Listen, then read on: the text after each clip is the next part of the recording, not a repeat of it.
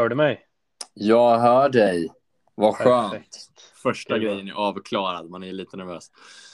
Ja, men man är fan det. Alltså. Ja, Det är ändå chefen vi ska prata med. det är ju ändå chefen.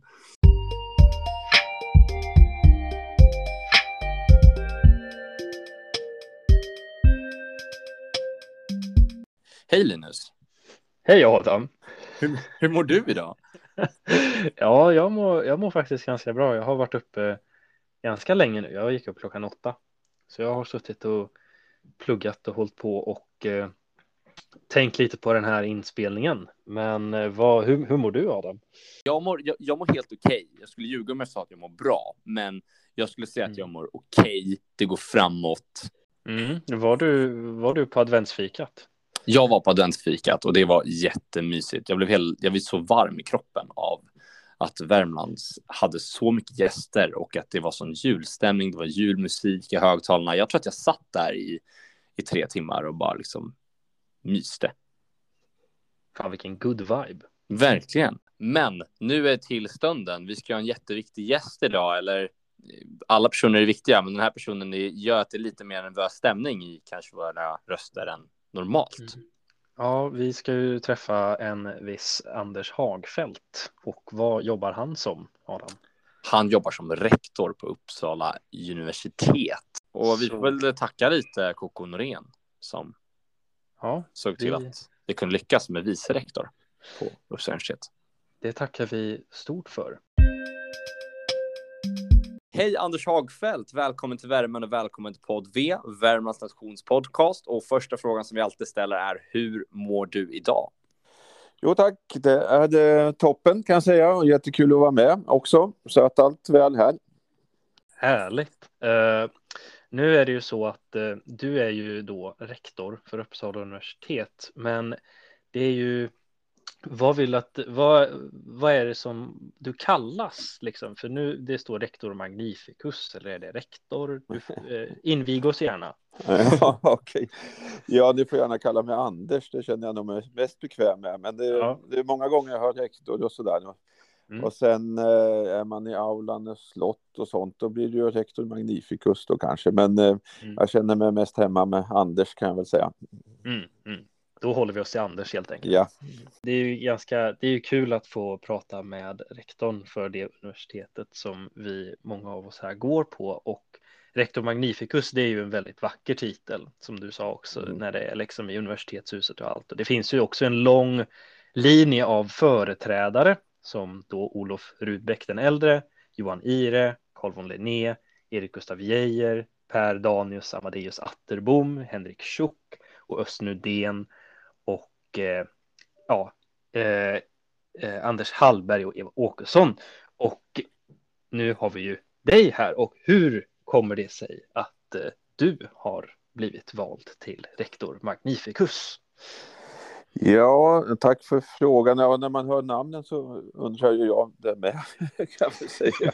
det, eh, eh, det är ju ganska fantastiska namn om man säger så. Ja, alltså för om jag berättar min egen historia hur det gick till så, så jobbar ju jag i Schweiz då på ett universitet som heter EPFL i Lausanne och flyttade dit 2014 och, och sen så och trivdes jättebra där. Fantastisk eh, möjlighet till forskning och vackert land och alltihopa och, sen så Ja, det var nog någon vecka innan pandemin startade egentligen, så februari-mars där 2020 då, så damp det ner ett mejl om att jag var nominerad, stod det, och var jag då intresserad av att, vara rektor. Jag, jag hade inte tänkt mycket på det där alls faktiskt. Jag var, blev väldigt Mm. överraskad och väldigt sådär först, på- först sådär speciellt oh, nominerad, det var ju helt otroligt. Och sen så fick jag liksom fundera på det där en hel för, del förstås, för att det är ju ett stort beslut och, och det var också ett stort beslut att och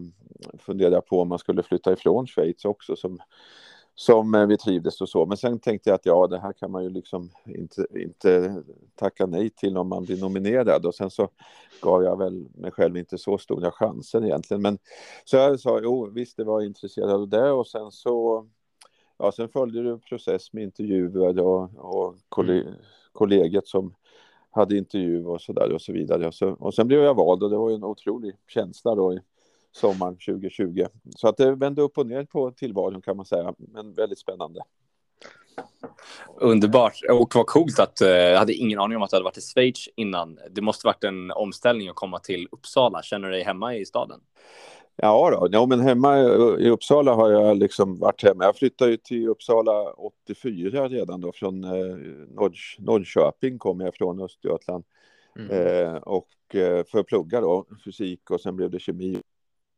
Eh, och sen har jag ju varit i Uppsala och bott i Uppsala hela att Uppsala var det hemma, liksom, även om jag bodde i Schweiz i sex och ett halvt år så, så var eh, mina vuxna barn var ju kvar här och så där. Så, att, eh, så mm. Schweiz blev ett, ett äventyr och väldigt spännande, men Uppsala var fortfarande hemma tycker jag och känns så nu också förstås. Men vad bra, det blev lite som en naturlig övergång till om vi går tillbaka då till när du väl flyttade till staden eh, och då tänker jag mig att du flyttade dit för du blev en student Ja, stämmer. Och eh, hur, hur var din studietid? Hur hade du det som student?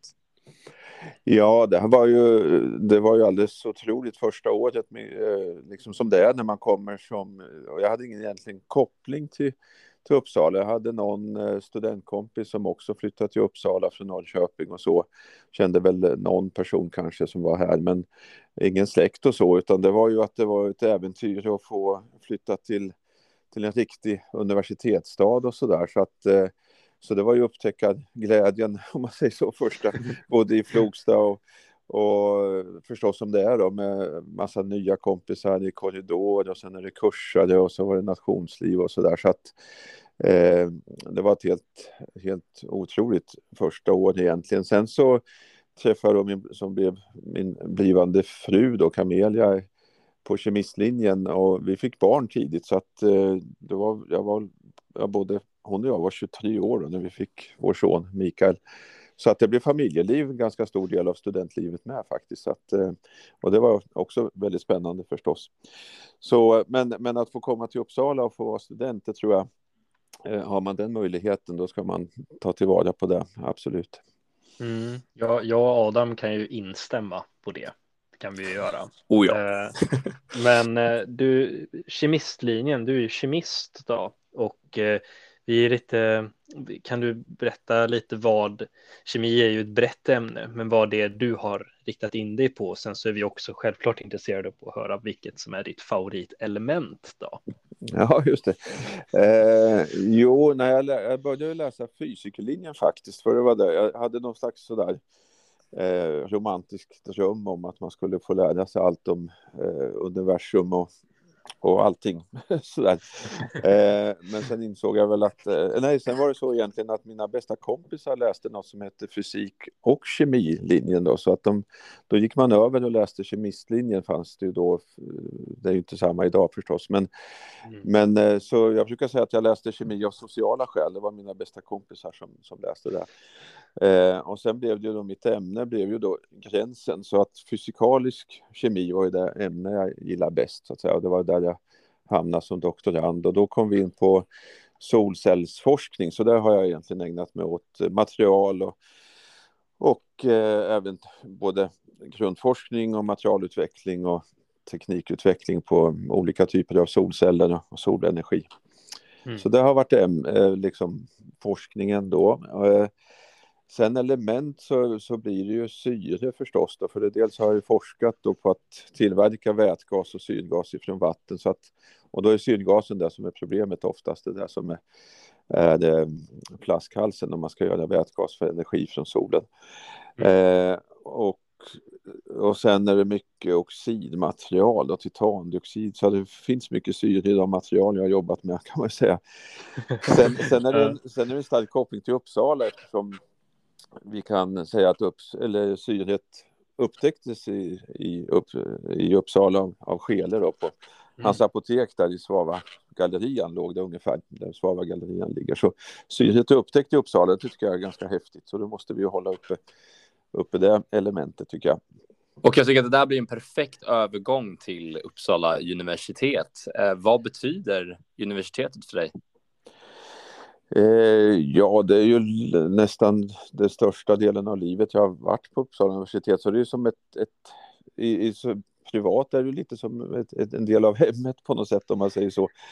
Mm. Eh, sen om jag tänker på Uppsala universitet så ser jag ju framför mig någon slags bild av det kompletta universitetet. Allting finns. Det finns en massa spännande människor som gör eh, ja, allt möjligt. Så det finns en stark nyfikenhet känner jag när jag tänker på Uppsala universitet. Här finns det hur mycket som helst att lära sig av, eh, ja, alla experter vi har så att säga. Så att eh, det är väl en liten upptäckarglädje i sig och, och känna vad, vad pågår och, och, och, mycket studentliv förstås.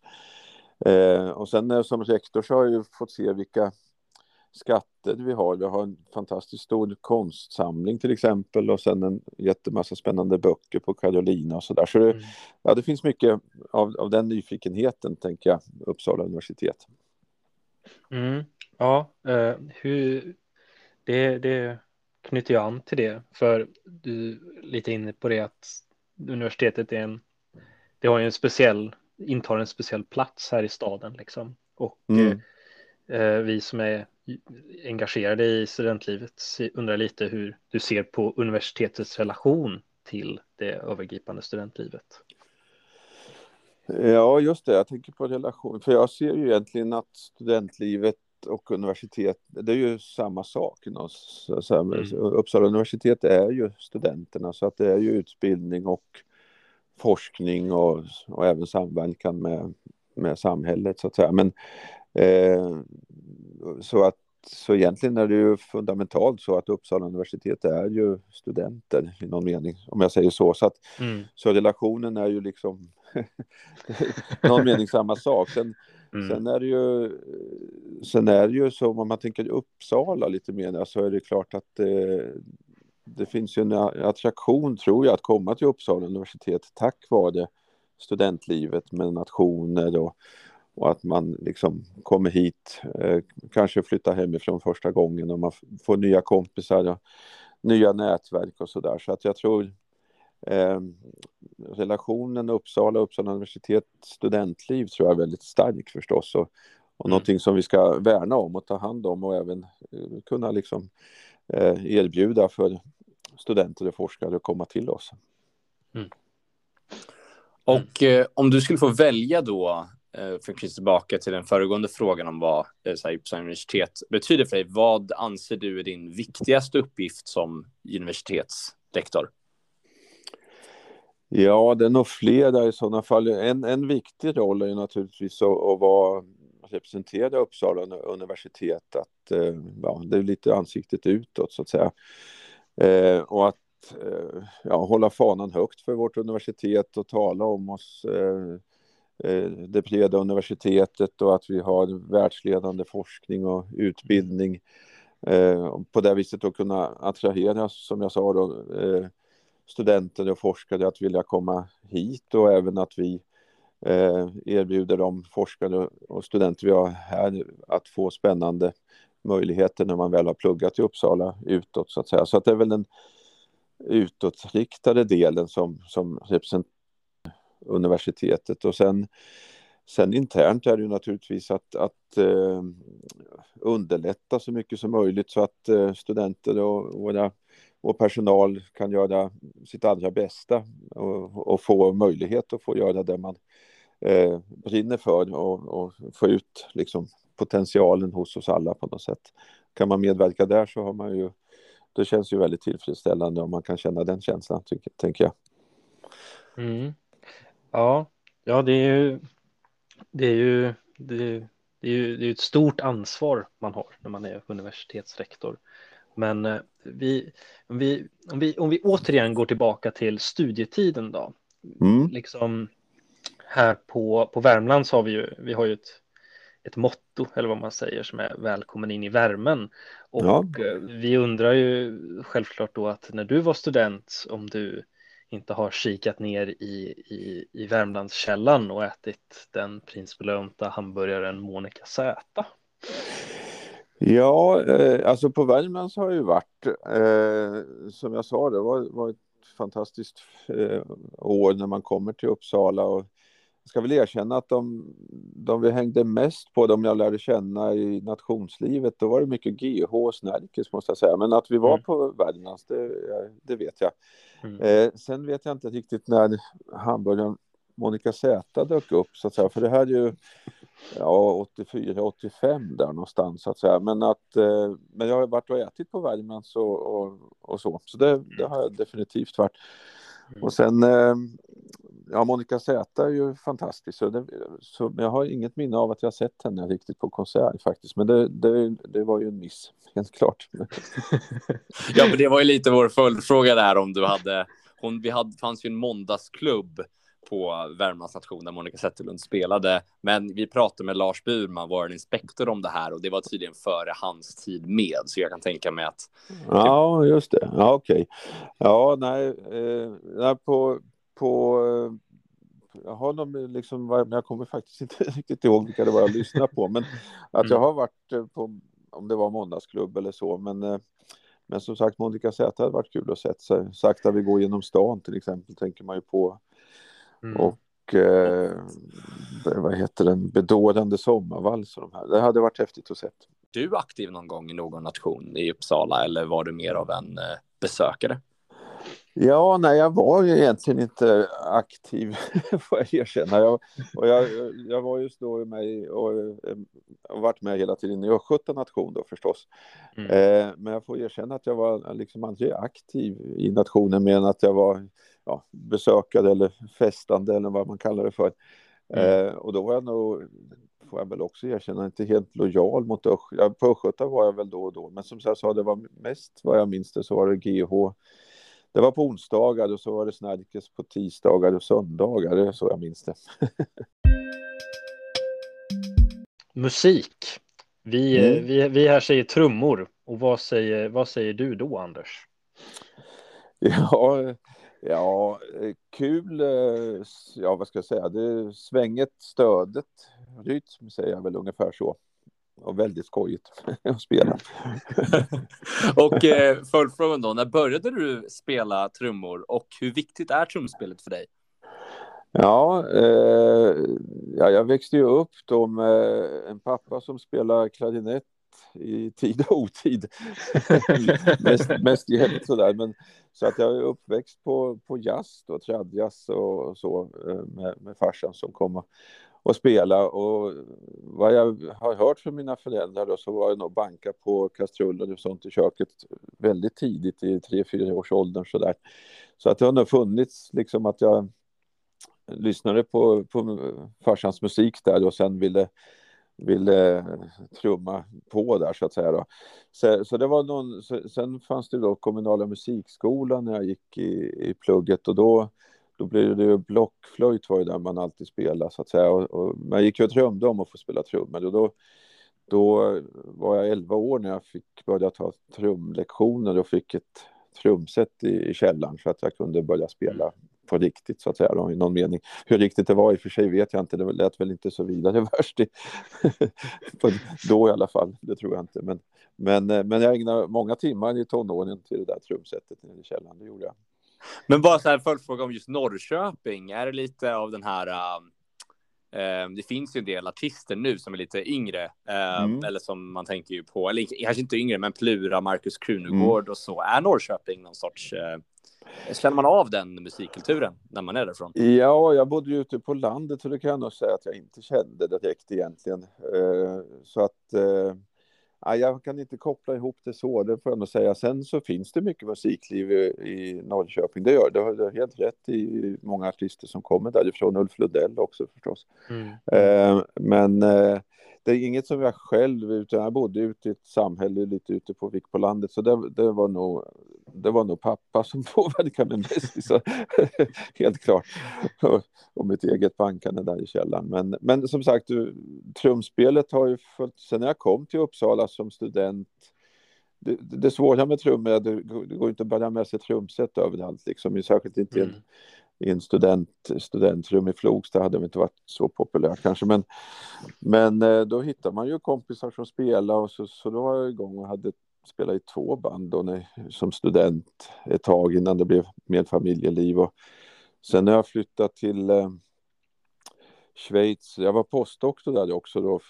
Mm. Det är ju 26, 27 år sedan och då träffade jag liksom, man träffar kompisar, ska vi spela ihop lite och så.